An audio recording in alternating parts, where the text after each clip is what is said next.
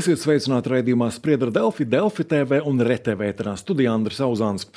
Šogad stingrāk tiks uzraudzīta uzturlīdzekļu maksāšana, lai mazinātu alimentu maksātāju izvairīšanos no šī pienākuma. Tā vēsta informācija ministru kabineta tīmekļa vietnē. Cik liela ir uzturlīdzekļu nemaksātāju parādi, kurus viņa vietā maksā valsts? Kāpēc noteiktais minimālais uzturlīdzekļu apmērs, kuru maksā kāds no vecākiem, ir būtiski lielāks par summu, kas tiek maksāta no uzturlīdzekļu garantiju fonda? Kādi ierobežojumi noteikti alimentu nemaksātājiem un arī kāda pretim nākšana tiek solīta? Par to visu runāsim šajā raidījumā. Šodien studijā Tieslietu ministrijas tiesu sistēmas politikas departamenta direktore Kristīna Miļevska. Sveicināti! Labdien.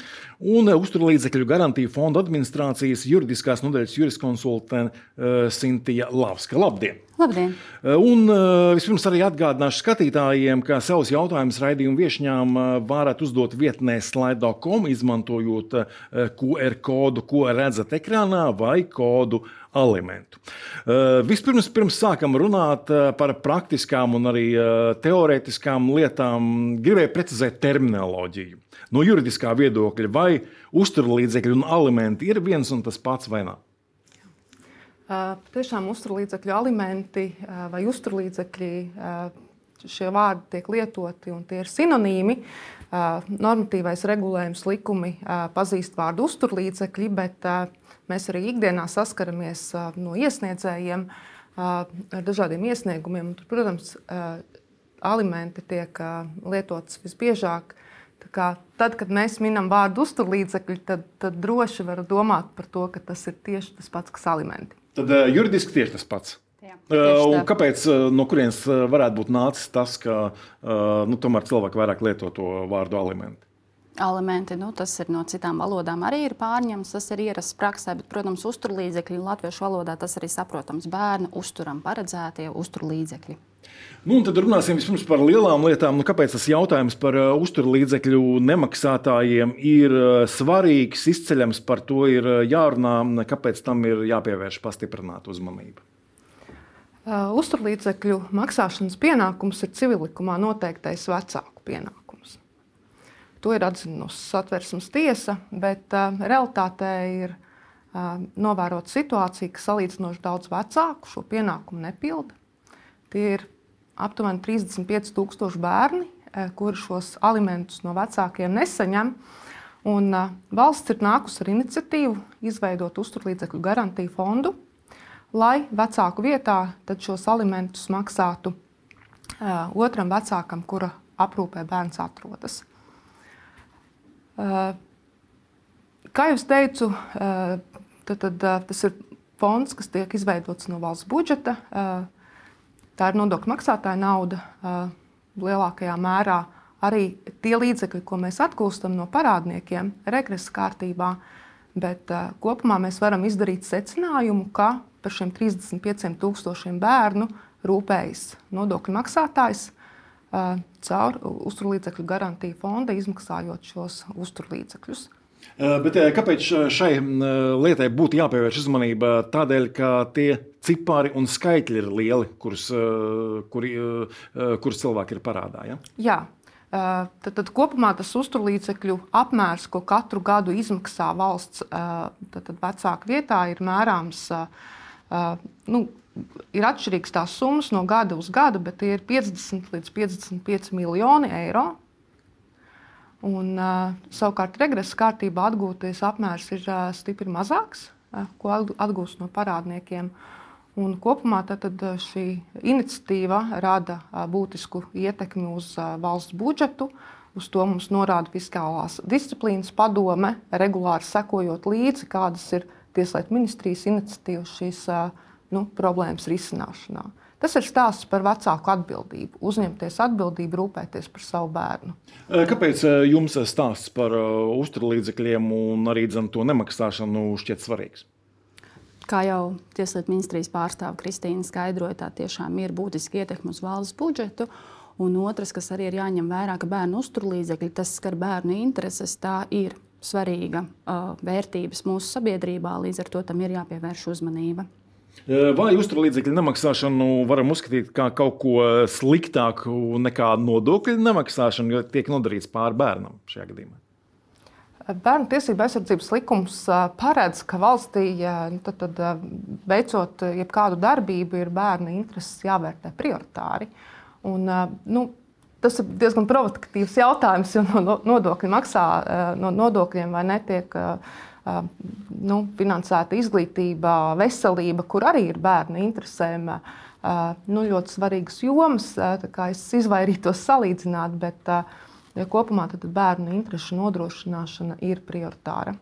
Pirms nepilna gada aģentūra Leta ziņoja, ka gandrīz 42,000 uzturlīdzekļu nemaksātāju uzturlīdzekļu garantiju fondam ir parādā 345 miljonus eiro. Tā uz to brīdi liecināja Tieslietu ministrijas valdībā iesniegtie dokumenti. Tātad tā ir summa par visu periodu, kopš darbojas uzturlīdzekļu garantiju fonds. Tā es saprotu. Un kāds tas cipars ir šobrīd?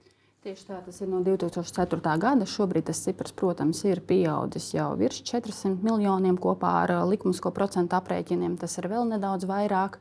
Bet. Cik apmēram šobrīd? Šobrīd apmēram 540 miljoni. Tas ir kopā ar procentiem. Un um, ministra kabinets tātad arī vēsta, ka šogad stingrāk tiks uzraudzīta uzturlīdzekļu maksāšana, lai mazinātu alimentu maksātāju izvairīšanos no šī pienākuma.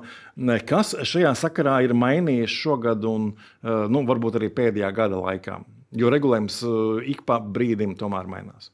Jā, uh, mēs patiešām sadarbībā ar Uzturlīdzekļu garantiju fonda administrāciju nu, rūpīgi novērtējam to iepriekšējo ierobežojumu ietekmi uz parādnieka maksājumiem.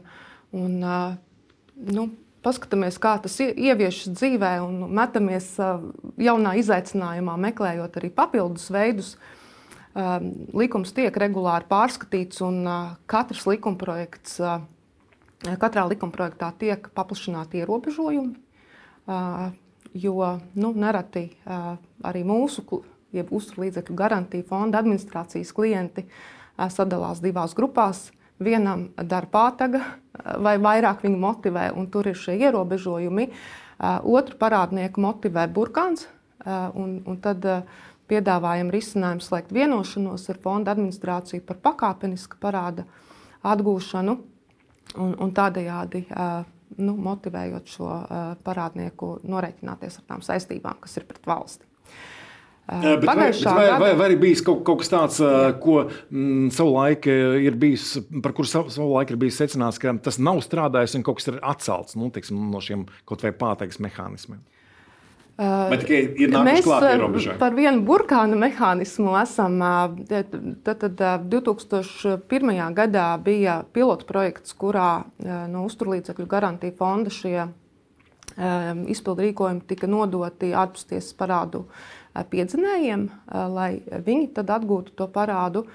Tas pilotprojekts bija īsu termiņu, un nu, mēs novērtējām, ka tas ieguvums tomēr nesasniedz to mērķi. Salīdzinoši maz nu, šis burkāns tika izmantots, to mēs vairāk tālāk neattīstījām. Bet, ja var atgriezties pie tā, pie tā kas ir nācis klāt nācis, šobrīd pēdējā jā, laikā, mēs šobrīd esam arī tādā šo likuma iedzīvi, iedzīvināšanas posmā ir daļa regulējuma jau stājies spēkā. Piemēram, no 16. novembra tad ir spēkā ierobežojumi, kas jau līdz šim bija parādniekam, aktīvas izmaksas, aktīvas izmaksas laikā, kad fonda administrācija veica šos maksājumus par bērna uzturlīdzekļiem. Uh, Tad, tad no 16. novembra šis, šis pats regulējums ir attiecināms arī tad, ja izmaksa no fonda ir izbeigta, bērns ir sasniedzis 18 gadus, bet parādnieks joprojām ir parādā valstī, ir nesakts parāda daļa. Tie ir gan šaujam ieroču lietošanas ierobežojumi, transporta līdzekļu lietošanas ierobežojums, aizliegums spēlēt azartspēles, datu publiskošana Latvijā LV portālā par parādnieku. 1. decembrī stājās spēkā regulējums, tad liegums liekt parādniekam cedēt prasījumu. Nu, tad situācijā, ja es kā parādnieku uzturlīdzekļu garantiju fonda parādniekam man ir piemēram tiesības no jums saņemt kādu naudu, tad es šo tiesību nevaru nodot tālāk Sintijai, lai jūs tur pārskaitītu naudu Sintijai un tādējādi apietu uzturlīdzekļu piedziņas procesā šos, šo iespēju iegūt līdzekļus. Un ar 1. februāru stājas spēkā regulējums, kas fonda administrācijai piešķir tiesības iegūt informāciju no kredītinformācijas biroja par saistībām, kādas parādniekam ir, kādas viņš uzņems nākotnē. Un, nu, situācijā, ja tad parādnieks ir parādā fondam, bet joprojām uzņems papildu saistības, tad fonda administrācijai būs tiesības vērsties pie šī parādnieka un aicināt, lūgt, palielināt šo apmēru, par kādu ir noslēgta vienošanās, kuras ietveros pakāpeniski uzturlīdzekļu parāds tiek sekts. Ja ir lielāka saistība, nezinu, autotransports līzingā paņemts, tad fonda administrācijai būs tiesības arī vērsties tiesību sargājošajās iestādēs, lai izvērtētu tad, tad iestādes parādnieka iespējamās noziedzīgās nodarījuma pazīmes par izvairīšanos no uzturlīdzekļu maksāšanas, kas ir krimināla sodām darbība. Kuru no šiem jaunajiem ierobežojumiem un jaunajiem nosacījumiem jūs īpaši izceltu kā īpaši svarīgu un nepieciešamu? Visi tie ierobežojumi ir tomēr vienlīdz svarīgi, jo iedarbojas uz atsevišķām parādnieku grupām. Piemēram, parādniekam, kam ir transporta līdzekļu vadītāja tiesības, viņam būs svarīgi, ka viņš var turpināt braukt. Tas motivēs viņu. Tam, kuram nav šo tiesību, viņu tas neietekmē. Viņš varbūt grib doties medībās, viņu ietekmē šaujamieroči. Līdz ar to katram no viņiem ir tās savas svarīgās prioritātes, un arī mums šie ierobežojumi ir tendēti uz to, lai konkrētām parādnieku grupām būtu šī ietekme un veicinātu tos maksājumus. Uz ekrāna šobrīd varam arī paskatīties, ka noteiktais minimālais uzturlīdzekļu apmērs ir būtiski lielāks par apmēru, kas tiek maksāts no uzturlīdzekļu garantiju fonda. LV portālā, kur publiskot šāda infografika, pamanīja arī šādu jautājumu ar nu, tīri praktisku piemēru. No tēva tiek iekasēti tātad 210 eiro, mātei no tiem tiek 129 eiro, kur paliek 81 eiro. Tas ir ļoti labs jautājums. Tad mums vajadzētu konkrēto lietu skatīties. Jo, ja ir tiesas spriedums, kurš nosaka, ka tēvam ir jāmaksā 210 eiro un izpildītājs piedzen šos 210 eiro, tad Ieturot izpildus izdevumus, pārējā summa tiek aizskaitīta bērnu mātei. Ja tur tiek ieturēta tā summa no parādnieka tā, ka nodrošina 210 eiro, tad viņa no parādnieka arī saņem šos 200 eiro, nevis no fonda 129. Tiešām tā ir. Tad kāpēc tiek runāts, ka nu, tomēr, nu, vecāki, kuriem piedzīšanas kārtībā šī summa tiek saņemta, nu, nesaņem tik daudz, cik gadījumā, ja iemaksā šis uzturlīdzekļu nemaksātājs? Nu, tad sprieduma izpilde jebkurā gadījumā būs papildus izmaksas. Un, uh, Tiesu izpildītājs veids darbības noteiktas un norēķinās par pakalpojumiem. Tādēļ arī var veidoties šī starpība starp piedzīto summu un tad, tad, otram vecākam izmaksājamo summu. Bet, mēs runājam situācija... par šo starpību, kuru mēs varam joprojām paskatīties uz ekrāna. Tieši šeit tā ir minēta par starpību starp šo minimālo, minimālo apmēru jā. un izmaksu. Jā. Eh, tad, tad minimālo apmēru nosaka ministru kabinets, un tā ir tā summa, kas ir tas vecāku pienākums. Eh, vecāku pienākumam, pienākums tad, tad ir rūpēties, lai viņš eh, šos alimentus par bērnu, vai 175 vai 200 eiro apmērā, tad, maksātu bērnu mātei. Tas alimentu vai uzturlīdzekļu apmērs, ko izmaksā no fonda administrācijas, ir ievērojami mazāks. Tas ir jautājums par valsts budžeta iespējām. Tā ir fiksēta summa. Ja minimālais apmērs ir pakārtots minimālajai mēneša algai, kura nu, pēdējo divu gadu laikā ir palielinājusies, tad šis izmaksu apmērs no fonda ir bijis konstants, arī šobrīd ir konstants. Mēs pastāvīgi vērtējam iespējas, nu, kādas varētu būt pārskatīt šo šo apmēru. Un, nu, faktiski tas secinājums līdz šim ir bijis nemainīgs. Bet, Lai... nu, vai tas ir godīgi, ja viena summa tiek piesaistīta minimālajai algai, otra, ko maksā uzturlīdzekļu garantija fonds, nav piesaistīta? Jā. Kā jau es iepriekš teicu, tad, tad no fonda tiek izmaksāti uzturlīdzekļi atbilstoši budžeta iespējām. Satversmes tiesa ir atzinusi, ka tiesības uz šo sociālo nodrošinājumu ir, ir sociālas tiesības, un valsts ir tiesīga izvēlēties mehānismus, kā viņš šo tiesību realizē. Šobrīd valsts, paskatoties uz budžeta nu, apjomu, ir konstatējusi, ka tie ir 107,5 vai 229 eiro par bērnu. Ko mēs varam šobrīd atļauties? Ko mēs varam šobrīd atļauties? Tas neatceļ vecāku pienākumu rūpēties, lai bērnu uzturam tiktu saņemti šie 175 vai 210 eiro, un joprojām ir iespēja tiesas ceļā nu, tad, tad, sniegt prasību par tieši eh, šo uzturlīdzekļu minimālā apmērā eh, piedzīšanu no parādnieka. Eh, bet nu, ir vecāki, kas to izvēlās un, un to īstenot. Tur valsts nodeva nav jāmaksā. Bet, nu, tomēr ir vecāki, kuri līdz šim, kamēr šī atšķirība nebija tik būtiska, nu, izvēlējās šo priekšrocību, neprasīt šos uzturlīdzekļus tiesas ceļā, bet vērsties fonda administrācijā. Mēs analizējot arī Baltijas valstu pieredzi un arī nu, Zviedriju papētot, varam apliecināt, ka šobrīd no fonda izmaksājamo uzturlīdzekļu apmērs ir patiešām ļoti draudzīgs Latvijas iedzīvotājiem. Lietuvā tiek uzturlīdzekļu apmērs no valsts izmaksāti 88, ne vairāk kā 88 eiro apmērā. Igaunijā ir, tie ir ne vairāk kā 100 eiro apmērā. Igaunijā, piemēram, šis uzturlīdzekļu kopējais izmaksas laiks var būt tikai 150 dienas.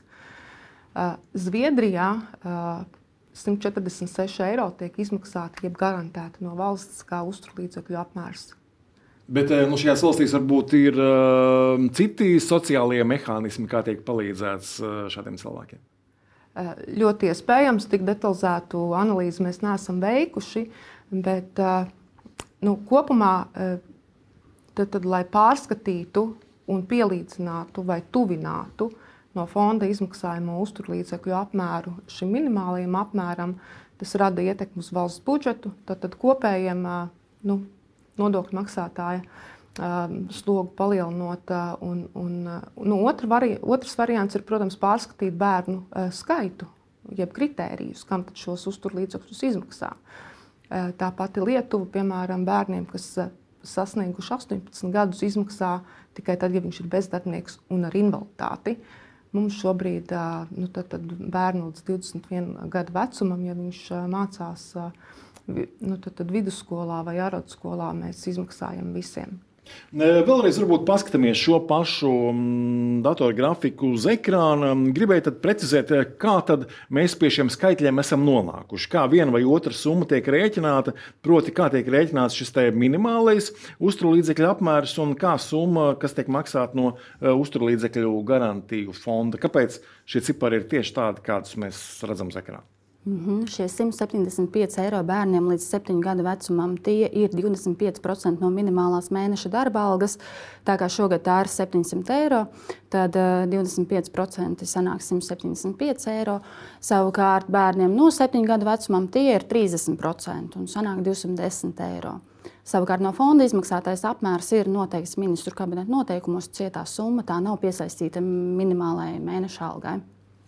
Um, vai jūs skatāt, ka šis te, nu, uzturlīdzekļu apmērs, uzturlīdzekļu summas ir samērojams ar pašreizējo dzīves dārdzību? Uh, nu, šīs summas ir, ir tādas, ko valsts budžets var atļauties. Uh, mums uh, tad, tad, ar pēdējiem likuma grozījumiem ir noteiktas nu, ministru kabinetam pienākums reizi trijos gados nu, pārskatīt uzturlīdzekļu uh, apmēru, kas tiek izmaksāts no fonda, uh, ņemot vērā valsts budžeta iespējas. Tur, kur mēs redzam tādu, nu, kā lai to pasakā, tādu, tādu nu, pozitīvu tādu grūdienu, kas, kas varētu dot. Ir likumā paredzētā iespēja un burkāns, lai palielinātu regresa kārtībā atgūto līdzekļu apmēru.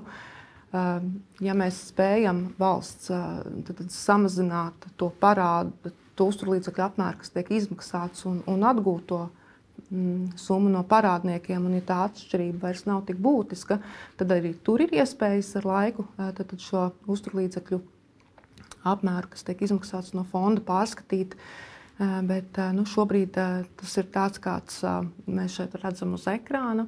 Un, kā jau teicu, šobrīd netiek, nav, nu, jā, nav iespējas viņu palielināt.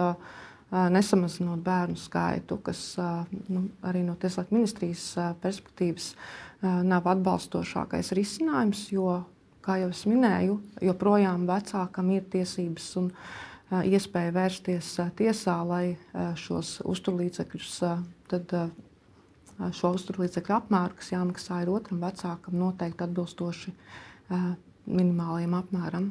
Attiecīgi, 175. papildināt, ka minimālais apmērs tas ir tikai minimālais slieksnis. Vecāki var arī celt prasību tiesā par uzturlīdzekļu apmēru lielākā apmērā. Un tad jau tiesa var vērtēt abu vecāku finansiālo stāvokli, bērnu vajadzības un noteikti arī šo summu lielāku. Bet nu, jāņem vērā, ka viņi varēs piedzīt, nu, saņemt no otra vecāka tikai tad, ja viņam šī nauda būs.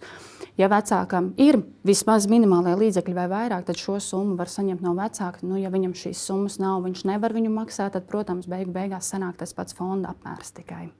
Um, jā, tad, tad jūs jau pieminējāt, ka ir uh, likumā nostiprināts ministra kabineta pienākums pārskatīt no fonda izmaksājumu uzturlīdzekļu apmēru neretāk kā reiz trijos gados, ievērojot valsts budžeta iespējas. Tad, laikam, tie atslēgas vārdi ir ievērojot valsts budžeta iespējas. Un, ja šo budžeta iespēju nav, tad nav garantija, ka reiz trijos gados šī summa pieaugs. Nu, šis uzdevums, ko likumdevējs ir devis ministru kabinetam, nozīmē mums pienākumu tad, tad skatīties uz skaitļiem, skatīties, kāds ir regresa kārtībā atgūto līdzekļu apmērs un meklēt iespējas, kā šo uzturlīdzekļu apmēru pārskatīt, palielināt. Šobrīd mēs nevaram garantēt, tā būtu tāda jā, zīmēšana kafijas biezumos. Uh, Bet, bet kad teorētiski būtu nākamā iespēja, kad šie skaitļi, šie cipari varētu tikt pārskatīti? Nu, trīs gadu periods ir akurāti 20, 2026. gada budžeta sagatavošanas ietvaros. Tas ir arī jautājums par nu, ministru kabineta vai valsts kopējām prioritātēm. Kā mēs zinām, šogad tā ir iekšējā, ārējā drošība, izglītība, veselība, kur, kur šie budžeta līdzekļi un sadala tika nu, prioritāri meklētas iespējas. Eh, mēs jau iepriekš ne, minējām par, par bērnu interesēm. Eh, nu, tas, tas likums ir spēkā, un eh, turprot, arī tas mums ir jāvērtē. Jo nu, prognozējot arī minimālās mēneša algas palielinājumu turpmākajos gados, kas ir objektīvi, kas ir objektīvi vai ne dārdzība un inflācija. Mums patiešām būs nopietni jāstrādā pie tā, lai šis uzturlīdzekļu apmērs, lai mēs meklētu veidus, kā viņu pārskatīt. Un, kā jau minēju, regresa kārtībā atgūto līdzekļu pieaugums noteikti ir tas veids, kur, kur ir potenciāls šos, nu, šādu lēmumu pieņemt. Mēs jau pieminējām tādu dzīves dārdzību, nu, bet dzīves dārdzības skar arī, nu, faktiski arī elementu parādnieks. Vai te neveidojas kaut kāds apburtais lokus, ka tas parādnieks iekļūst vēl lielākos parādos, maksājot lielāku summu? Protams, ka šeit ir jāņem vērā, ka tā lielāka uzturlīdzekļu summa ir arī sloks lielāks parādniekam, bet ir jāņem vērā šīs bērnu intereses un bērnu vajadzības un kas viņam ir nepieciešams.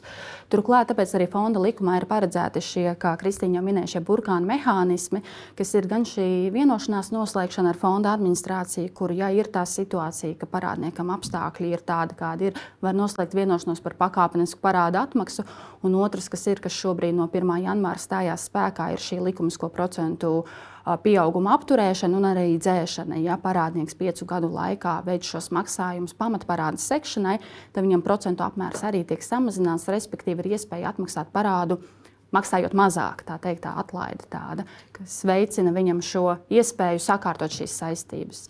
Mūsu skatītājs raksta par šo arī šādi. Valsts pilnībā un totāli nogremdē 42,000 nemaksātāju, kuriem nav nekādas tiesiskās aizsardzības, pēc, pēc būtības neizskatot katru lietu. Tādā veidā veicinot vēl lielāko nemaksāšanas iespējamību. Pilnīga un totāla nerēķināšanās, vienpersoniska, viena viedokļa uh, uzturēšana. Tad, uh, tā mums raksta skatītājs. Proti, te ir stāsts par to, ka valsts, piemēram, īsti neinteresē, ka cilvēkam ir varbūt arī jauna ģimene Eh, kurā arī bērni ir jāuztur. Vai varam secināt, ka nu, nemaksātājiem nav nekādas tiesiskās aizsardzības vispār? Tam, protams, nevarētu piekrist, jo pirmkārt vienmēr tiek noskaidrots arī otra vecāka viedoklis. Jautājums, vai viņš pats cenšas viņu sniegt. Ja tas ir tiesvedībā, tad tur, protams, viņas tiesības sniegt paskaidrojumus. Ja tas ir fonda administrācijā, arī mēs vienmēr cenšamies noskaidrot uh, otra vecāka viedokli šī uh, uzturlīdzekļu nemaksātāja. Tomēr jāņem vērā, ja viņam arī ir citi bērni, tas nemazina to, ka tā minimālā summa, kas viņam jāmaksā katram bērnam, ir jāmaksā neatkarīgi no bērnu skaita.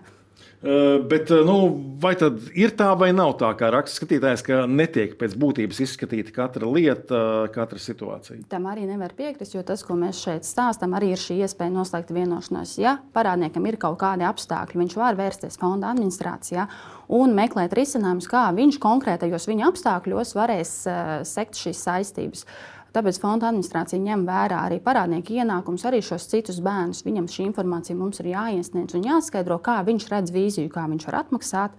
Un mēs varam iet pretī un skatīties tieši viņa situācijā. Tikai galvenais šeit ir šī komunikācija. Jā, tad eh, individuālā situācija Jā. tiek tomēr ņemta vērā. Eh, vēlreiz atgādināšu skatītājiem, ka savus jautājumus raidījumā viesņām varat uzdot vietnē Slaido.com, izmantojot šo QR kodu, ko redzat ekrānā, vai kodu eh, alimenti. Um, vai šobrīd ir zināms par šiem tiesību ierobežojumiem, kuri tad ir tie iedarbīgākie? Kā jau man kolēģi teica, uz katru parādnieku darbojas savi tam, kas neiet medībās vai nav šaujami ierocis. Mēs nekādīgi viņu nevaram mm, jā, ierobežot, ierobežojums attiecībā uz šo šaujami ieroču lietošanu. Šķiet, ka tieši attiecībā uz transporta līdzekļu šo vadīšanas ierobežojumu tas ir bijis nu, pietiekami efektīvs līdzeklis. Kā tad parādnieku motivēti iziet varbūt arī uz kontaktu ar, ar fonda administrāciju, slēgt šo vienošanos, jo tajā laikā tad, tad šie ierobežojumi netiek piemēroti, ja vienošanās tiek pildīta. Tas ir arī viens mehānisms, kur tiek vērtēta šī individuālā pieeja. Katram no parādniekam tiešām ir būtiski, ka arī parādnieks izrāda interesi un ir pats gatavs nu, nākt klajā ar, ar, ar piedāvājumu, ar, ar vēlmi kaut daļēji sekt parādu. Nu jā, arī 20, 2021. gadā šis ierobežojums spēlēt azartspēles. Mēs redzam pēc datiem, kad salīdzinoši daudz šis ierobežojums tiek piemērots. Arī tā ir iespēja, kur uh, nu, mēs patiesībā sasniedzam divus mērķus. Vai, ne? vai transporta līdzekļu vadīšanas aizliegums nu, kaut kādā mērā tomēr neierobežo iespējas nopelnīt naudu uzturā līdzekļu parādu sekšanai? Šeit atkal ir komunikācija ar parādnieku. Ja viņš nāk un iesniedz lūk, darba līgumus, ka es strādāju, un man vajag darbam tiesības, viņam līgums netiek piemērots. Bet te jāņem vērā, ja viņš strādā, tā tad ir jābūt kaut kādiem maksājumiem. Jā, jo, nu, kā tas ir, ka tu strādā un nesaņem naudu, tas jau liecina par kaut kādu izvairīšanos.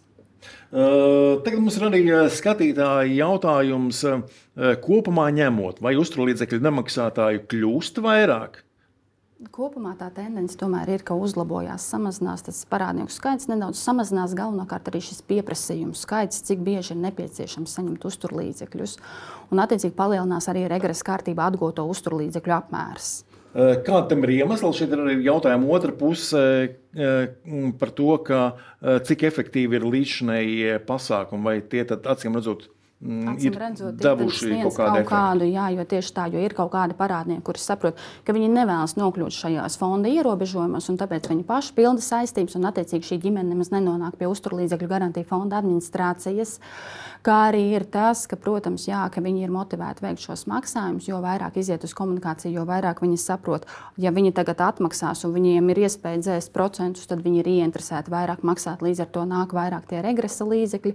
Nu, un kopumā par sabiedrības atbildību kopumā. Par to, kā uzņemas atbildību par savām saistībām. Mēs jau pieminējām, ka ir paredzēta arī krimināla atbildība par uzturlīdzekļu nemaksāšanu. Cik bieži ir uzsākts uh, krimināla process un cik bieži ir arī notiesājuši spriedumu? Par procesiem tādu nu, precīzu skaitļus varbūt Sintī man Jā, palīdzēs, vai ne? Bet um, tas, ko mēs redzam, to tendenci, kad uh, notiesājošu spriedumu nu, tādā skaitliskā izteiksmē uh, kļūst mazāka, bet nu, attiecīgi tie procesi, kas noslēdzas prokuratūrā ar priekšrakstu par sodu, tas kāpums ir atkal nu, stipri lielāks. Tas nozīmē, ka fonda pa- parādnieks ir atzinis savu nodarījumu, savu nodarījumu sekas un ir gatavs nu, tad, tad, rīkoties, lai, lai šis arī parāds tiktu sekts vai arī tiktu nu, maksāt šie uzturlīdzekļi. Jā, uz ekrāna arī varam paskatīties šo LV portāla infografiku. Jūsuprāt, kādi ir tie iemesli, kāpēc notiesāto skaitam ir tendence samazināties? Nu, tieši tā, šie skaidri, ko mēs redzam, ir notiesājušie tiesas spriedumi. Tas nozīmē, ka persona jau ir nokļuvuši tiesneša priekšā. Bet pirms tam krimināla procesa iet virzību iestādē pie prokurora. Un tur, ja tas parādnieks atzīst savu vainu, un prokurors izvērtē, ka šo personu nav jāliek gluži ieslodzījumā, bet varbūt viņam pietiek ar uh, šo sabiedrisko darbu, vai naudas sodu, vai kādu citu sodu mēru, tad viņš var viņam izrakstīt šo priekšrakstu, prokurora priekšrakstu par sodu. Un, piemēram, 2022. gadā tāda bija 696. Līdz ar to mēs redzam, ka ļoti daudzi šie gadījumi tiek atrisināti vēl pirms nokļūšanas tiesā, tāpēc arī nav šo notiesājušo tiesas spriedumu. Vai ir arī tādi uzturlīdzekļu nemaksātāji, kuriem nemaz nav iespējams tikt klāt, piemēram, viņi slēpjas kaut kur ārzemēs? Protams, ir tādi, kuri ir izbraukuši uz ārzemēm, bet tas nenozīmē, ka viņiem nevar tikt klāt. Ir vairāki mehānismi, kas palīdz mums veicināt uzturlīdzekļu piedziņu gan Eiropas Savienības dalību valstīs, gan arī ārpus Eiropas Savienības dalības valstīm. Populārākās mums ir apvienotā karaliste un Norvēģija, kur ļoti viegli var iesniegt dokumentus, lai šī piedziņa notiek arī tur. Bet ir valstis, kur to izdarīt ir daudz grūtāk. Ir valstis, kuras nav pievienojušās Hāgas konvencijai, kas ir viens no šiem uzturlīdzekļu mehānismiem, bet tomēr Hāgas konvencija katru gadu paplašinās un ar vien vairāk valstu nāk klāt. Šobrīd mēs runājām par diezgan lielu skaitu ierobežojumu. Šobrīd uz ekrāna varam paskatīties. Mēs jau daudz stāstījām gan par transporta līdzekļu vadīšanas tiesību izmantošanas aizliegumu, gan šaujamieroču atļaujas darbības apturēšanu. Vai šobrīd vēl pie visa šī milzīgā klāsta ir nu, kaut kādas ieceres par vēl jauniem ierobežojumiem? Nu, šobrīd mēs esam tādā šī, šo pēdējo grozījumu ieviešanas fāzē, un nu, mums nav tādi trīs idejas, ko piedāvāt nākamo trīs mēnešu laikā. Bet no Tieslietu ministrijas puses mēs patiešām varam apliecināt, ka mēs regulāri strādājam, novērtējot esošos mehānismus un, un meklējot jaunus. Tā kā darbs nebūtu apstājies. un, Tas, ko mēs patiešām ļoti ceram, ka šie no 1. janvāra noteiktie mm, nu, šis burkāna princips par iespēju sekt parādu. Pēc piecu gadu perioda ir vēl četru gadu periods, kas likumā ir iezīmēts. Nu, mēs ceram, ka tas var būt tāds izlaušanās brīdis, kur, kur šī parādnieku nu, arī pati atbildība pret bērniem eh, tiek stiprināta un viņu izpratnē ir, ir tāda, kas jā, mums ar vien mazāk nu, ar laiku liks domāt par ierobežojumiem. Bet mēs noteikti esam darba procesā un kopā ar fonda administrāciju meklējam un meklēsim risinājumus. Tiešām nu, cilvēkos izpratne un atbildība stiprinās. Tas, ko mēs redzam, šie apgūtie uzturlīdzekļu apmērs palielinās un pieprasījums samazinās. No tā mēs varam secināt, ka tā pieeja ir nopietnāka, kāda tā bija vēl pirms desmit gadiem.